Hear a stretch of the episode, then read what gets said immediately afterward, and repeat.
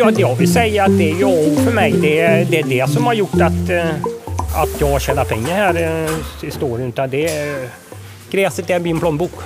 Och det står jag fast vid. Det är jätteviktigt det här. Eftersom jag tycker att det är roligast jag vet och jag brinner för mjölken och, och det är för jord, lantbruket då. Så är det ju eh, nej, det är extra roligt det här faktiskt. Det är en krydda. Smartaste är ju egentligen att testa genomiskt sina mjölkrossdjur. Eh, sina kvigor där, att se vad de går för, om de passar in i systemet. Nej men det gäller väl att man liksom inte tappar fokus någonstans. Alltså det finns fördelar med att ha fler produktioner. Hej och välkommen till Kopodden av Växa. I det här avsnittet ska vi träffa en mjölkbonde som också har satsat på köttproduktionen och som har gjort det så utomordentligt att han tillsammans med familjen blev Årets mjölkbonde 2022. Vi ska alltså till Brisbo lantbruk utanför Falköping och träffa Marcus Brisbo. På mjölksidan har gården cirka 75 Holstein plus kvigor och kalvar och på köttsidan har man cirka 200 djur, främst mjölkrastjurar. När det kommer till marken odlar man spannmål på 50 hektar, vall på 140 hektar, man har 40 hektar bete och så 25 hektar skog. Så här säger Marcus om att vinna årets mjölkbonde. Jag är faktiskt stolt över vad vi har åstadkommit. Och sen är det, ju, det är ju jätteroligt att hamna hos den här skaran lantbrukare som varit före mig. Och eh, det är ju ett kvitto på att vi gör rätt också. Och, eh, fantastiskt roligt måste jag säga. Det, det, har varit en upplevelse här nu med, med, efter de här veckorna då, med lite uppståndelse och det och många som har hört av sig. Då. Så eh, ja, jag är djupt stolt över mig själv och även familjen. Då. Det är inte bara jag utan det är ett arbete som vi har gjort under lång tid. Vad betyder det ändå att få den här liksom, vad ska man säga, erkännandet kanske? Ja, det är jätteroligt. Alltså, jag eh, njuter ju lite av den här situationen måste jag säga. Det är, det är en sporre för framtiden. Alltså. Det är, eftersom jag tycker att det är roligast jag vet och jag brinner för mjölken och, och det är för jord, lantbruket då, så är det ju eh, nej, det är extra roligt det här faktiskt. Det är en krydda. Vi, vi är ju ingen, vi är ingen stor gård idag med dagens eh, mjölkproduktion mätt. Så det är ju också extra roligt att vi har vunnit då. På gården har det faktiskt bedrivits lantbruk sedan första halvan av 1800-talet och för sex år sedan tog Marcus över driften av gården efter sin pappa. Marcus är numera ensam ägare av gården, men hans två bröder och eh, hans pappa är fortfarande delaktiga i jobbet på gården. Och så jobbar djurskötare Emmy Andersson där. Jo, hon är ju en klippa då. Hon har ju varit här i fyra år. Och nu har hon tagit över avelsarbetet. Hon gick semineringskurs här för eh, två år sedan. Hon är otroligt duktig och eh, djuröga ändå kommer och kör skogsmaskin innan men ändå har då eh, kanon. Så, det är, så jag överlåter mer och mer till henne då än eh, för där är hon en klippa alltså, och intresserad. Hon, så jag del, var med i detta priset också. Och även mina bröder som hjälper till är ju också... Eh. Sen har jag och min far drivit gården här i 25 år. Jag och han har drivit oss. Han, eh, där, jag har haft fokus på kora genom åren då. Eh, och det är ju de sista fyra åren som hon har varit med. Så hon, hon är delaktig, verkligen. verkligen. Något som blir väldigt tydligt när jag besöker gården är att grovfodret är något Marcus verkligen brinner för. Och det är också en stor framgångsfaktor i produktionen. Han är så gräsligt bra på vall att han varit nominerad eh, i tävlingen Årets vallmästare. Och förra året var han faktiskt finalist. Det är ju andra skörd vi kör med just nu. Och här, eh, för att få i de mesta möjliga grovfoder som jag satsat på, så blandar jag i eh, tre kilo spannmål i gräset till kossorna. Då. De får även i foderstationen. Ja. Men det är bara för att få i dem så mycket grovfoder som möjligt. Då. Och om, om ni känner det, det luktar fantastiskt gott. Och så de, eh, just för dagen så ligger de på 38,2 kilo genomsnitt kossorna. Då. Vad är ett riktigt bra grovfoder då? Jag vill ju att det ska ligga med runt 11,5 megajoule och i år har vi 11,2 till 11,9 megajoule. Och så ett jämnfoder eftersom jag har plansilofack och jag har svårt att öppna två fack. Vintertid går bra, men sommartid. Så därför behöver jag ha liknande foder året runt så att säga. Så därför eh, är det så jätteviktigt för mig att ha ungefär samma skördar. Som i år har jag haft, eh, vi kan ha samma färdigfoder hela tiden. Även om vi byter foder så blir det ungefär samma eh, fodermängd med kraftfoder. Så att det, i år, har, året som har varit här har vi lyckats otroligt bra med gräset. Men hur gör man då för att lyckas så bra som ni gör här? Ja, dels får man ju vara på tårna då, här i slutet på maj. Och sen tar inte vi, vi går upp i stubb tror jag. Vi är inte nere och, och vi tar i handen säger man ju. Plus lite till brukar man ha som måttstock. Och det gör ju att min vall kommer igång för mycket och jag har lite hyckor i mig. Så den drar igång direkt för det är jätteviktigt att vara ute på våren för du, missar du några dagar här i tidigt då skjuter du hela kedjan med skördar. Så därför är vi väldigt noga med det och eh, sen så är det ju på med gödsel så fort som möjligt då. Och så hellre skörda två dagar för tidigt än två dagar för sent. Men sen är det ju vät som styr givetvis. Men eh, det måste Stockholm. Och så bra grejer då, så att när vi väl kör då gäller det att det går. Jag är egenförsörjande på både gräs och spannmål till djuren då. Så det enda jag köper in är ju färdigfoder till korna. Hur viktigt är grovfodret för faktiskt hela liksom, resultatet i produktionen? Ja, jag vill säga att det är ju för mig. Det är, det är det som har gjort att, eh, att jag tjänar pengar här eh, i storyn. Det är, för dels då kan jag dra ner färdigfort och det är det stora kostnader det är inom mjölksektorn. Så grovfodret är alltså det. Jag sa en gång eh, i fjol, jag sa, jag sa att gräset är min plånbok. Och det står jag fast vid. Det är jätteviktigt det här. Om man då, precis som familjen Brisbo, har en mjölkproduktion och köttproduktion i samma verksamhet och vill ha goda resultat på bägge sidor såklart, hur ska man då lägga upp foderstrategin? Produktionsrådgivare på Växa, Jannica Kraft, säger så här. Om vi börjar med slaktkorna, utslagskor, för alla mjölkproducenter är ju faktiskt köttproducenter också. Och slaktkor är ofta väldigt lönsamma att eh, göda lite till för de är ju färdigväxta ofta. Så de behöver inte lägga så mycket på tillväxt utan de lägger ju bara liksom på sig hull om de får en överskottsutfodring. Ehm, tyvärr är ju foderpriserna lite höga just nu så just nu är de inte så riktigt lika lönsamma som de en gång har varit. Det är dock alltid lönsamt att göda en ko över 250 kilo slaktad vikt. Då. Men det är samtidigt alltid mer lönsamt att hon går till slakten att hon blir kadaver. Så det, det är alltid en sån balans. Ehm, ska man ha någon sån här tumregel så kanske man säger att när hon mjölkar någonstans mellan 25 och 30 kilo så stannar man, låser man kraftfodret där och sen får hon sakta sjunka i mjölk och sen kommer hon hulla sig istället. Då. Så det är slaktkorna. Tittar man på besättningar som då har överskottskviger eller sparar sina tjurkalvar ehm, det är ju ett ypperligt sätt att använda partifoder som alltså grovfoder till de djuren. Eh, men det är egentligen ingen skillnad mot annan ungnötsproduktion. Utan de ska ha bra foder och bli klara dem också. Man ska inte spara slaktdjur så att man får grovfoderbrist till korna. Utan mjölk, man får liksom välja där vilken produktion man har i fokus. Och på mjölksidan kanske det är just mjölken som ska vara i fokus. Då. Så att man har tillräckligt med bra foder till korna. Och så får man se vad det mer räcker till. Liksom. Finns det något annat du tänker att det är viktigt att tänka på just med man både liksom föder upp djur till slakt och har en aktiv mjölkproduktion? Nej men det gäller väl att man liksom inte tappar fokus någonstans. Alltså det finns fördelar med att ha fler produktioner för att man eh, står på flera ben och svänger mjölkpriset så kanske köttpriset är bra och så tvärtom och så. Du har ett sätt att göra av med foder som man kanske inte vill ge mjölkkorna. Sen tycker inte jag att man ska ge för dåligt foder till sina slaktdjur heller.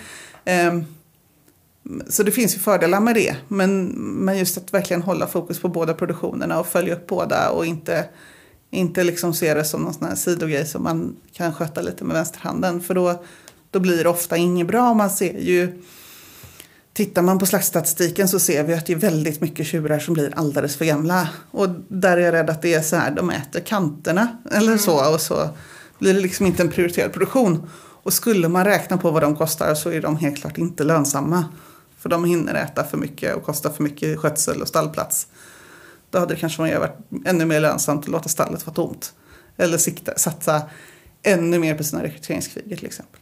Eh, har du en slaktålder över 20 månader så är ju det väldigt sällan lönsamt skulle jag säga på tjursidan.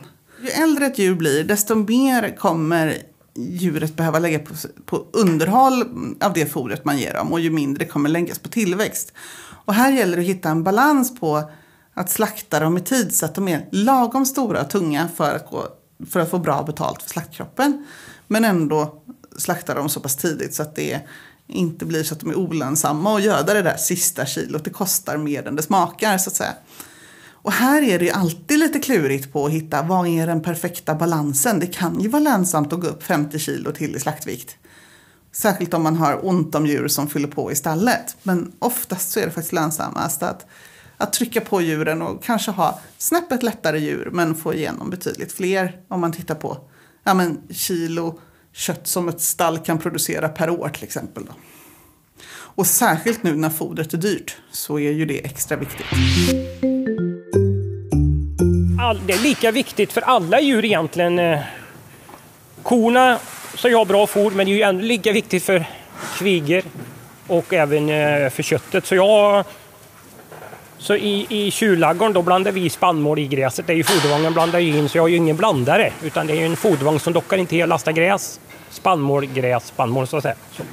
Och eh, det gör ju att eh, sen får i tjurarna extra mycket grovfoder där också. Så att det är ju basen hela tiden, det är grovfodret till, eh, även på slaktsidan då.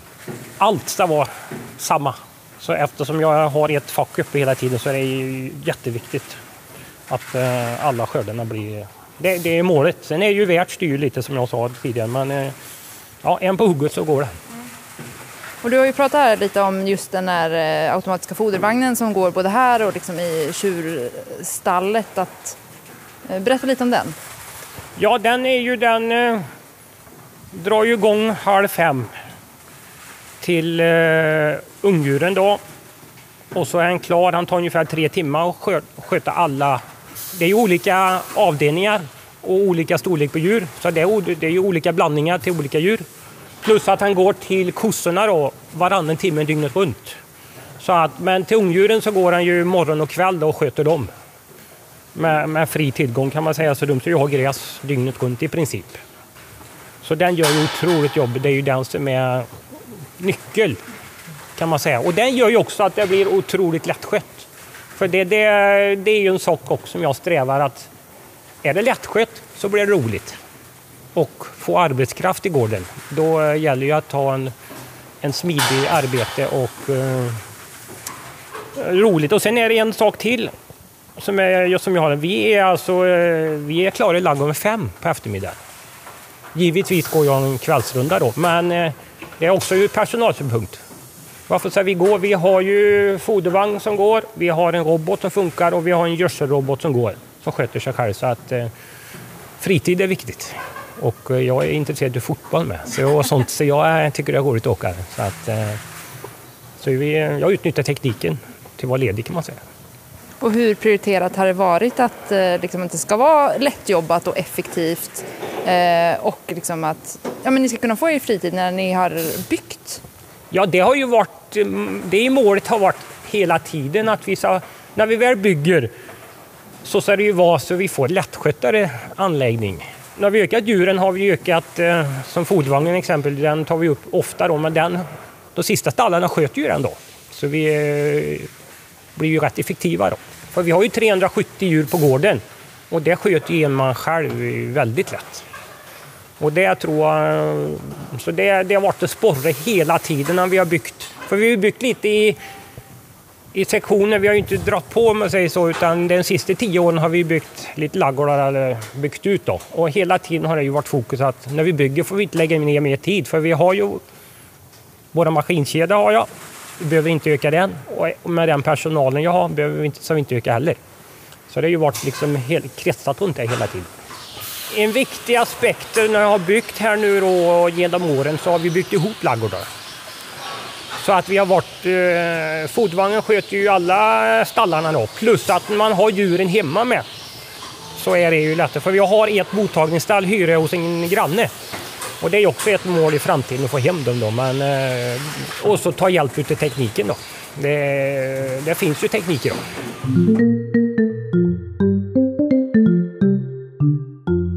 Tycker då produktionsrådgivare Jannica att man kan göra för att eh, jobba mer effektivt i sin produktion? Ja, men här tror jag också man kan komma in lite på strategin till exempel. Alltså att har man dykort till exempel och har en, en, en kort och intensiv kallningsperiod gör ju visst, du får en arbetstopp men du har bara en topp kanske. Eh, det är också lättare att styra foder. Du har samma foder till hela gruppen. Du behöver inte hålla på med små duttar och dela på det och sådär. Um, annars är det ju rationella stallar och jag har ju sett ombyggda gamla lagårdar som ändå blivit väldigt rationella. Men att verkligen ha med det när man planerar sin produktion och alltså, allt det här dagliga i hur man gör rent och hur man fodrar. Det som behöver göras varje dag. Att man har med det även vid en ombyggnad eller liknande. Så det går ju ofta att få det ganska rationellt om man har det med i tanken men inte när man kommer efteråt. Det gäller att vara klok från start, tror jag. Men att planera produktionen så att den, den är, särskilt dikoproduktionen då, att man har det intensivt på, eller man har kort kallningsintervall så att man inte behöver många olika foder samtidigt. Även om Marcus Brisbo och familjen vann årets mjölkbonde 2022 så är köttproduktionen en väldigt viktig del av verksamheten. De föder upp sina egna mjölktjurar och köper även in djur från tre olika gårdar och även där är det främst mjölkrastjurar. Oj, oj, hej, hej. För dagen kör vi väl lite rundbaler här, för jag vill blå med lite baler. Det här stallet byggde vi 16, 14, förlåt, 14. Och så tyckte vi det var så lättskött så då tog vi det stallet och så vände vi på det och så byggde vi på detta plus att vi tog en spaltrad här. Så då fick vi in dubbelt så mycket djur på eh, lite större yta då. För spalten tar ju inte så mycket plats. Eftersom det var så himla lättskött det stället så har jag gjort det likadant här nu då. Så nu får vi in 150 tjurar på, på den där sträckan. Och här gör ju, det är ju här eh, är ju bara fokus med foder då. Och så går vi och tittar till vattenkopparna och tittar till så att de mår bra. Så det här är ju fantastiskt lättskött. Och så är jag ju glad att jag blir klar 20 då, för det har ju varit en rätt stor kostnadsökning efter att vi eh, var färdiga här. Längst ner kommer in små djur och så när de kommer hit fram så blir de slaktfärdiga och det är likadant i andra ställen. Där börjar vi längst bort där så att alla djur Närm går ut närmar sig dörren. Så här har vi byggt också med, här är ju grinder då, så att eh, dels för säkerheten när vi lastar ut och in djur. Eh, drivgångar. Och så vi har gjort ett väldigt smidigt så vi står, eftersom vi står på samma ställe och får in får, till slaktbilen då.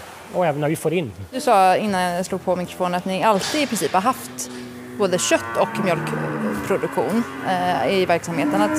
Varför är det viktigt? Det som föds på gården, som vi säger, det är ju bra om det är kvar. Och sen är det ju, det är ju två ben att stå på lite. När mjölken har varit dippat så har kanske köttet. Bygger den köttet så det blir lättskött också är det ju inte när, när, när Ja, då, det, framförallt det, det är ju två ben att stå på, det måste jag ju säga. Det är det som är grundbulten då. Och vad är viktigt tycker du i, i köttproduktionen?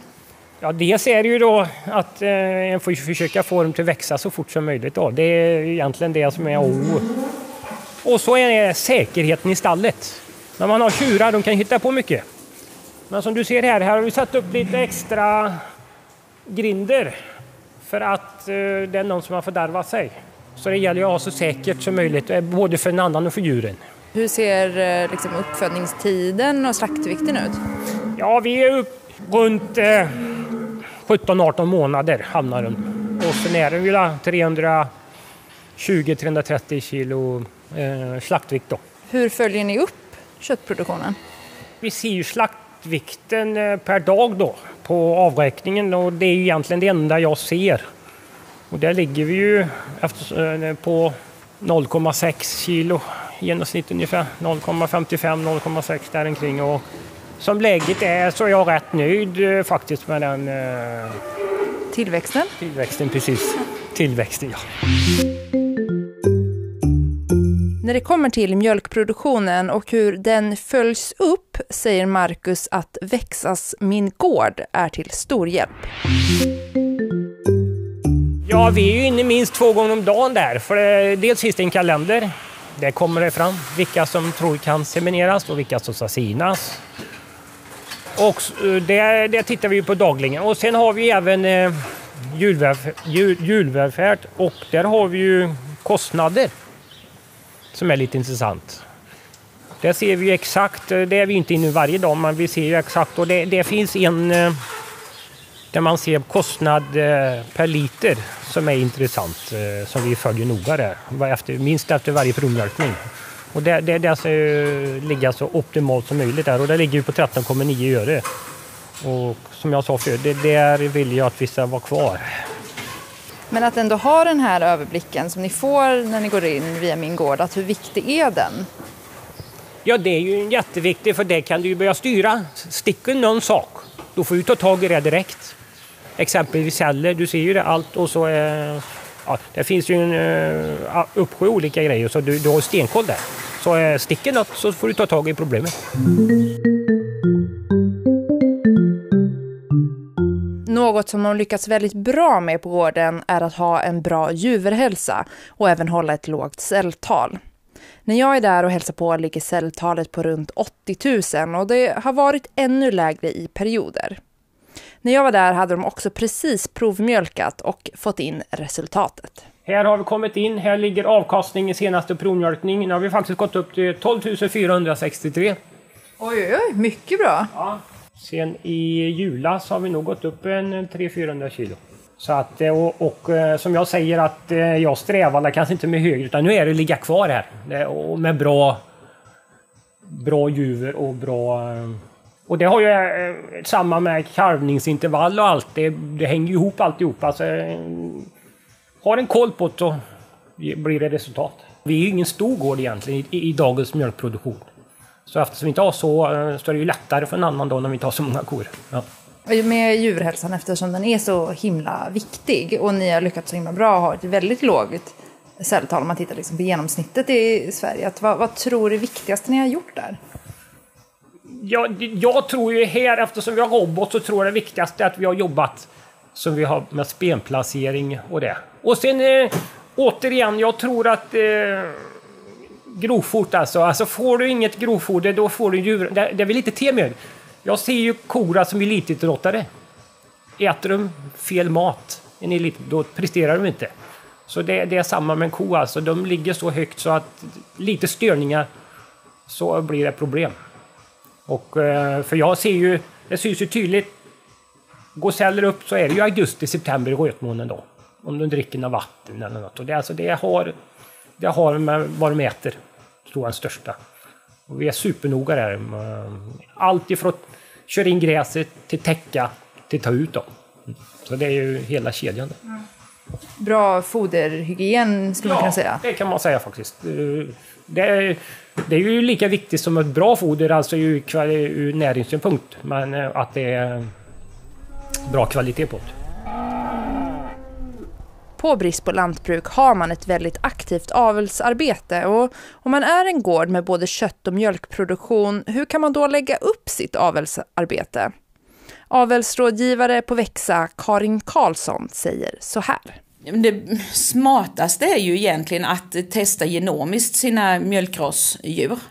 Eh, sina kvigor där, att se vad de går för, om de passar in i systemet. Om man nu, många har ju robot idag, eller man är, man är noga i alla fall oavsett system egentligen med att mjölkbarheten ska vara bra, den ska, de ska inte vara trögmjölkade, spenarna ska sitta där man vill och inte för tätt och så vidare. Och, eh, ha en bra produktion och de ska ju helst bli dräktiga och inte få mastit och alltihop det här. Va? Så att allt det fångar man ju med en genomisk analys och då kan man ju oavsett vad man tycker är viktigast så kan man ju sortera bort djur på det som har låga avelsvärden för det man tycker är viktigast.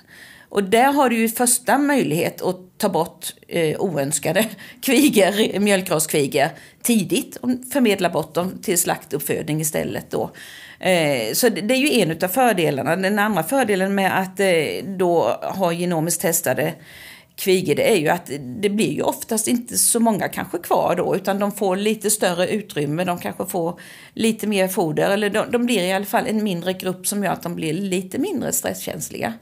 Det gör att de växer, växer lite bättre. Du kanske till och med kan minska åldern eller sänka åldern för eh, första semineringen och så kalvar de in lite tidigare och det gör ju att de får pengar tillbaka. Eh, sen tror jag mm, i dessa tider när vi har pratat i flera år om att vi har kor som inte får så många laktationer. Nej, men det beror ju många gånger på att vi har haft kvigor som ska in istället. Så med att använda mer köttras på de som inte fungerar eller man slår ut de djuren som inte fungerar så får vi fler äldre kor kvar i besättningarna och så höjer vi våra laktationsantal på korna som verkligen har en chans och de har en potential för att bli gamla egentligen. Så det, det är en av de absolut största fördelarna egentligen. Få pengar tillbaka längre tid. Och hur ska man veta då när det är dags att eh, seminera med en köttras istället? Ja, dels kan det ju vara på ett oönskat avelsvärde, till exempel mjölkbarhet som ligger väldigt lågt så man, man förväntar sig att det ska bli en eh, ja, något trögmjölkad ko. Visst, hon kan få chansen med en köttras. Sen har vi exteriören. Man kan tycka att eh, ja, hon fungerar och eh, mamman såg inte sådär jättehundra ut heller men eh, det, det är liksom att man eh, kan se ett, eh, en linje i, alltså det, det, blir, man, man har svårt att förbättra exteriören även om man har gjort vad man har kunnat tidigare då att det är bättre att inse, ja men har du exteriörbedömt en, en första kalvar till exempel som får 75 eller någonting sånt i, i juver, ja men hon får gärna vara kvar och mjölka och vara mjölkko så länge man tycker att hon fungerar. Eh, men hon behöver ju inte ha en rasren avkomma utan man använder kött istället. Det är ju en av anledningarna till att kunna göra. Och sen kan man också lägga det på produktionsnivå. Att man säger att jag vill att de ska producera ett kilo protein per dag i min besättning. Det fångar vi liksom i genvägen när vi kör där. Då, då kan man också sätta det som en gräns för att komma upp i nivå med eh, använda köttrasdoser. Och tycker man då att det är så högt, så många kan säkert ligga på 15-20 procent men kommer man över det så bör man ju använda en viss procent X-vik också för att säkerställa att man får rekryteringskvigar också. I valet då, vilken, vilken ras man korsar in, hur, hur ska man tänka där? Då är jag nog tillbaka till det här med slutproducenten egentligen. Där, som, där slutprodukten ska födas upp och gå till slakt sen då. Att kan man kommunicera där och se vilket eh, system som faller bäst ut till att ge bäst köttkvalitet egentligen så är det där man ska stanna. Eh, och eh, då har vi alla våra raser som har möjlighet och vi har också möjlighet att använda könssorterade doser, både Y-vik för att få en tjurkalv och X-vik för att få en kvikalv. Så man kan ju eh, använda de modellerna också då för att eh, kanske vara lite försiktig om man nu är lite så här att man tycker att de tunga köttraserna kan vara lite skrämmande. Men det fungerar. det gör det. Och man kan ju safea lite grann mer med, med en kvikalv om man skulle vilja. Så att det, ja, det är att läsa NBDI-listan uppifrån och ner så fixar det sig. Så här säger Marcus om vad som är viktigt i deras avelsarbete. Jo, jo vi har ju avlat, eh, egentligen är det mycket på djuret så, som vi har gjort. Alltså vi får långa och tjocka spenar och så att det inte är för tätt i bakspenen framför allt. Som gynnar roboten då så att det inte blir ofullständigt mjölkat. Och då gör, det har ju med celler att göra. Blir ofullständigt för mycket så blir det celler. Och det har ju varit eh, egentligen ja, tio år jag på och jag tycker jag har varit lite skeptisk ett tag att jag tycker det händer för dåligt. Men eh, jag måste säga att det har gjort resultat nu måste jag säga faktiskt. Så att eh, de som har kvigat som har kalvat i år har varit väldigt bra. Och det syns ju även på celltalslistan vi har här. Vi har ett otroligt bra celler och jag tror det är en anledning också att jag har um, djurhälsan, att vi har vunnit det här priset då, som årets mjölkföretagare. Eh, det var en bidragande orsak. Och det har, eftersom jag inte har fokus på så mycket på produktion, men det har liksom ökat den.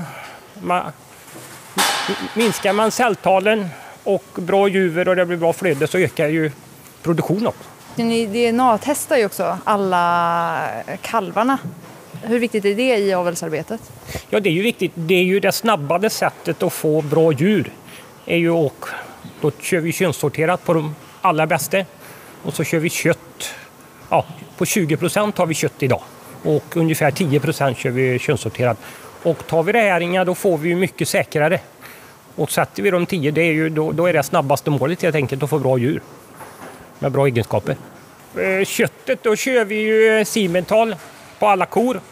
Och så körde vi Aberdeen på Kvige, men jag, jag tycker lynnet och det när vi släpper Kvige på bete, så jag, vi har faktiskt gått över på Hereford. Vi har kört lite både och, men eh, nu, nu kör vi, sista här halvåret har vi bara kört med Hereford. Och, men eftersom det är, kon är ju basen så det är mjölken som är det viktiga. Men, så det är därför så... Men det syns ju på kropparna att eh, när vi har lite kött i att det, det blir bättre slaktvikt och även eh, de klassar sig bättre. Så därför har vi ju 20 procent är ju kött i så det, det blir ju till godo för köttet. Då.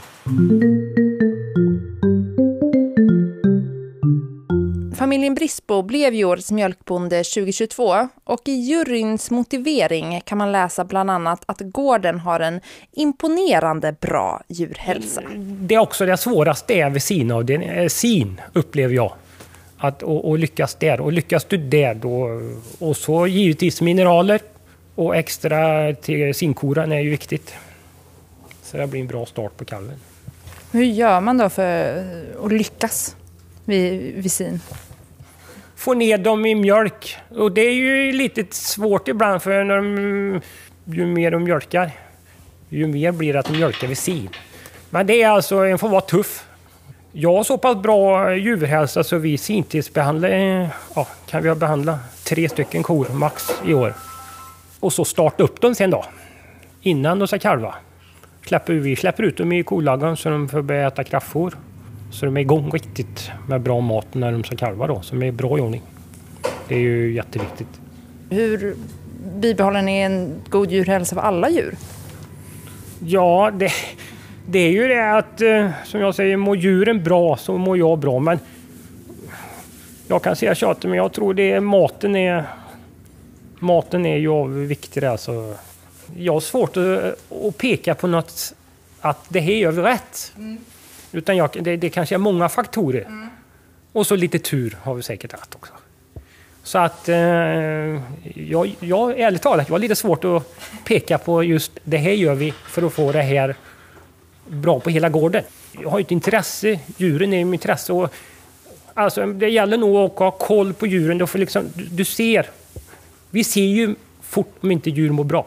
Och så ta tag i problemet direkt. Jag får inte gå iväg. En halv ko, jag får ta tag i direkt. Jag tror det är också en... Även kalvar. Tycker vi att kalven inte ser bra, mm. vad gör vi? Ta, ta tag i den direkt då, till en egen stia. Så det, det är nog att vi är på väldigt tidigt. Jag tror det kan ha en uh, aspekt. på det. Alltså på avelsarbetet som gör att djur, det har vi ju, jag har ju hjälpt växa. Som vi har semineringsplan och sånt. Så vi får rätt djur på rätt rätt tjur på rätt ko så att säga. Och det är ju... Det har ju inte en annan riktigt koll på utan det tar jag hjälp helt enkelt. Expertis. Och även på fodersidan har jag ju hjälp. Så det kommer en rådgivare och hjälper mig med fodret efter varje provmjölkning. Och så har vi ju då eh, varje månad kommer seminveterinär och kollar upp om det blir något förhöjt celltal exempelvis och så avhornar vi då. Så jag har ju tre stycken som hjälper mig då. Och eh, det, det är ju grundbulten i hela företaget att eh, man kan ju inte vara bäst på allt utan man måste ta hjälp till sådana bitar. Det är bättre att och, eh, ha fokus på det en vill och kan och så ta en hjälp av resten. Gården har alltså regelbunden hjälp av två rådgivare och en veterinär. Något som bidragit också till det goda resultatet menar Marcus. Men om man då, kanske särskilt som köttproducent, inte tagit hjälp utifrån förut, vad ska man börja med om man vill öka lönsamheten? Produktionsrådgivare Jannica Kraft igen. Alltså första steget är alltid en foderstat. Eh, börja med foderanalys och gör en plan för hur du ska använda ditt hemmaproducerade foder. Är du dikoproducent så se till att ha rätt foder vid rätt tillfälle. Det är ju samma problem om du ligger för, fodrar dem för mycket så att du får tjocka kor. Då kan du ju få problem med kalvningarna. Eh, som att om du fodrar dem för lite så att de inte mjölkar tillräckligt mycket så får du problem med tillväxten. Alltså att ligga rätt är ju avgörande i en dikoproduktion. Tittar man på ugnesproduktionen så är ju foderkostnaden en så otroligt stor del av produktionskostnaden. Så att ligga fel här eh, kostar otroligt mycket pengar. Och det brukar vara ganska enkelt för oss att räkna hem ganska stora vinster på att verkligen se till att det blir rätt foder till rätt djur i rätt tid under ugnesproduktionen. Så att en foderstat är verkligen steget. Situationen för lantbrukare har varit väldigt tuff under en längre period med höga priser på insatsvaror och situationen blev ännu mer ansträngd i och med invasionen av Ukraina. Jag intervjuade Jannica Kraft innan kriget i Ukraina, men hon sa så här om hur man som lantbrukare kan tänka när läget är tufft. Men räkna mer och verkligen veta om var, var, hur det går, så man inte tror. Det är så lätt att dras med i, nej men det är det går bra eller det går dåligt eller sådär. Men alltså hur går det för dig? Och vad, vad kan du göra åt ditt? Eh, jag var i England för några år sedan. Och de hade sån full koll på vad deras break-even-pris var. Oavsett om det var liksom, ja men köttpriset är det här eller mjölkpriset är det och priset för vete är det. Och helt lugna med för de vet att min produktionskostnad är lägre så jag tjänar fortfarande pengar. Och det kan ju vara en otrolig trygghet att veta det. Inte behöva få panik över att ja, men dieseln ökar lite, eller mycket. så, så fortfarande liksom hålla koll på sina kostnader så att man vet eh, vad ens egna produktionskostnad är. För då vet man ju också att man kan vara lugn med att så man känner en trygghet i sin egen produktion tror jag.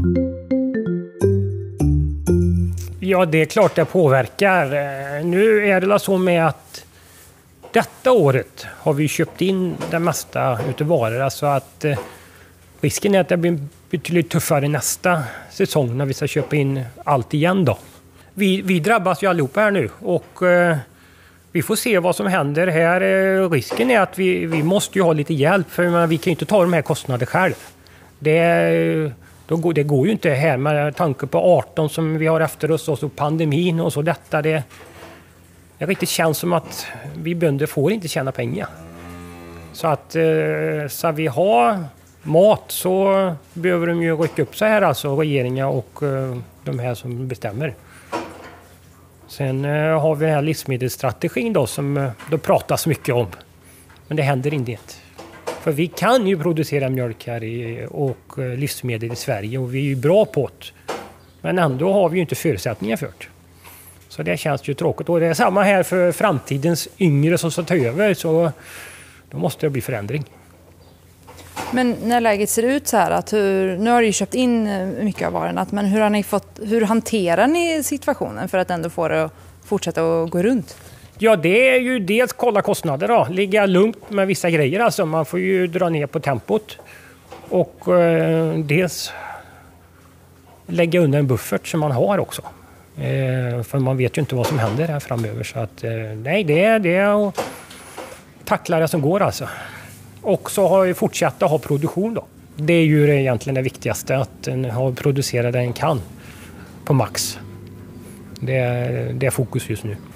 Vad tänker du om, om framtiden nu? Jag tänker så här, ni har ju nyss liksom blivit eh, årets mjölkbonde som visar att ni, det går jättebra och ni liksom gör ett jättebra jobb. Samtidigt är världssituationen ganska dyster för lantbrukare. Vad tänker du om, om framtiden för verksamheten här? Jo, men jag, sen får ju ingen eh, en får ju tro på det en gör. Jag tror ju att det måste ju... Det kommer säkert en ljuspunkt. Det måste vi tro på. Och jag menar, förutsättningarna är ju så himla goda i Sverige. Så att, eh, och så att vi har mat så måste det finnas bönder. Det är ju första förutsättningen. Alltså jag, eh, jo, men jag är optimist. Absolut. Så det, eh, det finns en framtid. Det säger Marcus Brisbo från Brisbo Lantbruk, vinnare av Årets mjölkbonde 2022. Och det var allt från Kopaden för den här gången och för den här säsongen. Alla avsnitt av K-podden finns såklart att eh, lyssna till på kpodden.se och där poddar finns. Jag som guidat dig genom de här avsnitten heter Sara Lindros och om du vill komma i kontakt med mig eller K-podden kan du mejla kopodden vxa.se.